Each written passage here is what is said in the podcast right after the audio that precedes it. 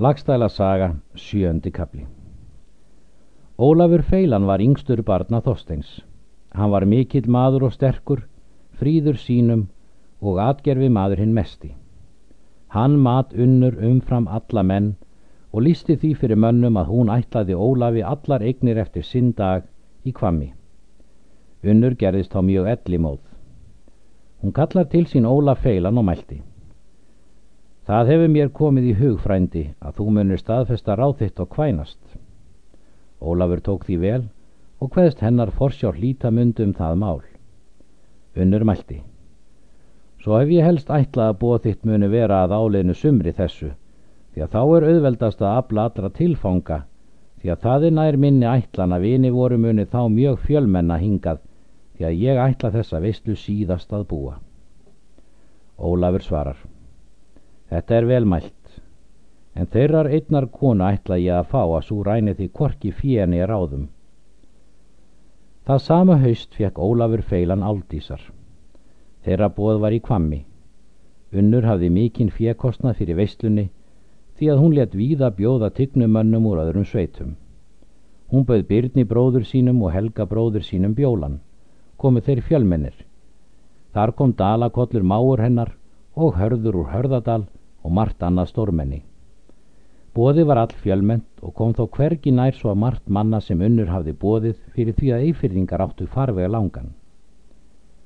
Elli sótti þá fast að unni svo að hún reysi ekki upp fyrir miðjan dag en hún lagði snemma nýður.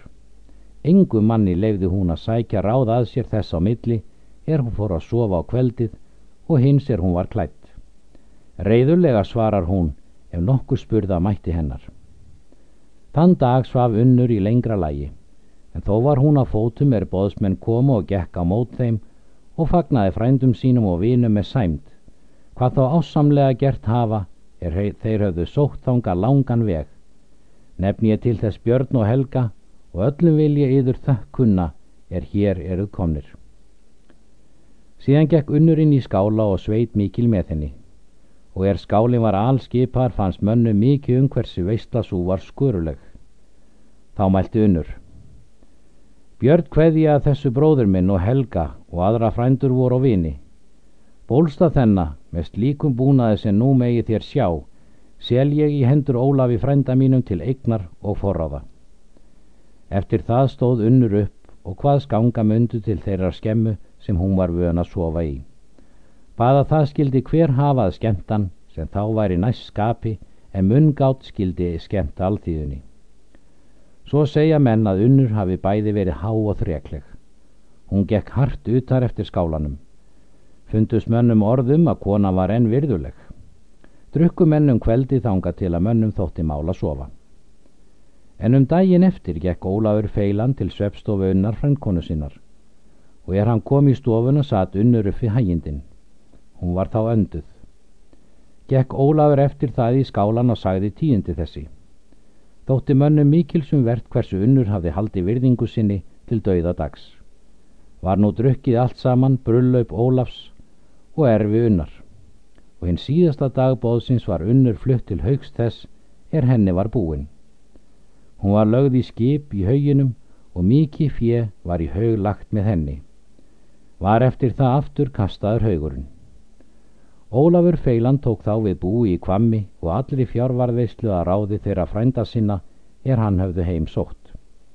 En er veisluna þrítur gefur Ólafur stórmanlega gjafir þeim mönnum er þar voru mest virðir áður á brott fóru. Ólafur gerist ríkur maður og höfðingi mikill. Hann bjó í kvammi til elli. Börn þeirra Ólafs og Aldísar voru þorður gellir er átti hróðnýju dóttu miðfjararskeggja.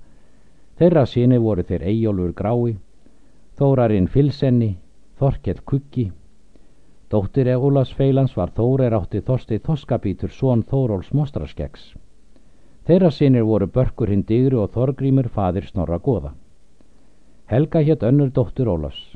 Hann átti Gunnar Hlífarsson. Þeirra dóttir var Jófýður, er átti Þórótur són Tungóts, en síðan Þorstein Egilson. Þórun hétt enn dóttir hans. Hann átti Hersteitt svon Þorkels Blund Ketilssonar. Þórdís héttinn þriðja dóttir Ólafs. Hann átti Þórarinn Ragabróðir lagsögumadur. Í þennan tím er Ólafur bjó í kvammi tekur dalakollur máur hans sótt og andaðist.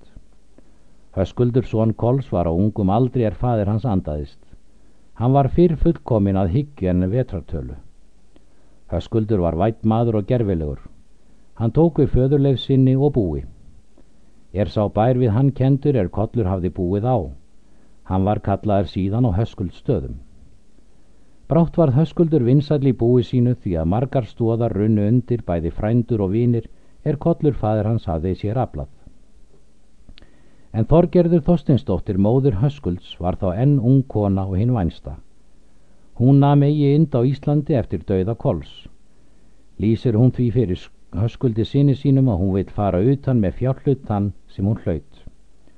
Höskuldur hvaðst það mikið þykk ef þau skulu skilja, en hvaðst og eigi myndu þetta gera að móti henni heldur en annað. Síðan kaupir Höskuldur skip hálft til handa móður sinni er uppi stóð í dögurðarnesi.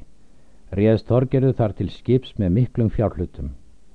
En eftir það sigluð Þorgerður í haf og verður skip það vel reyðfara og kemur við Noreg. Þorgerður átti í Noregi mikið ættmennu og marga göfga frændur. Þeir fögnuðu henni vel og buði henni alla kosti þá sem hún vildi með þeim þykja. Hún Þorgerður tók því vel, segir að það er hennar ætlan að staðfestast þar í landi. Þorgerður var eigi lengi ekki áður maður var til að byggja hennar. Sá er nefndur Herjólfur. Hann var lendur maður af virðingu, auðugur og mikilsvirður. Herjólfur var mikill maður og sterkur. Ekki var hann fríður maður sínum og þó hinn skurulegasti í yfirbræði. Allra manna var hann best vígur. Og er að þessu málum var setið átti Þorgerðu svör að veita er hún var ekja. Og með frænda sinna ráði veikst hún eigi undan þessum ráðahag og giftist Þorgerður herjólfi og fer heim til bús með honum. Takast með þeim góðar ástir. Sýnir Þorgerðu það brátt af sér að hún er heim mesti skörungur. Þykir ráðahagur herjóls nú miklu betri en áður og virðulegri er hann hefur fengist líkra konu sem Þorgerður var.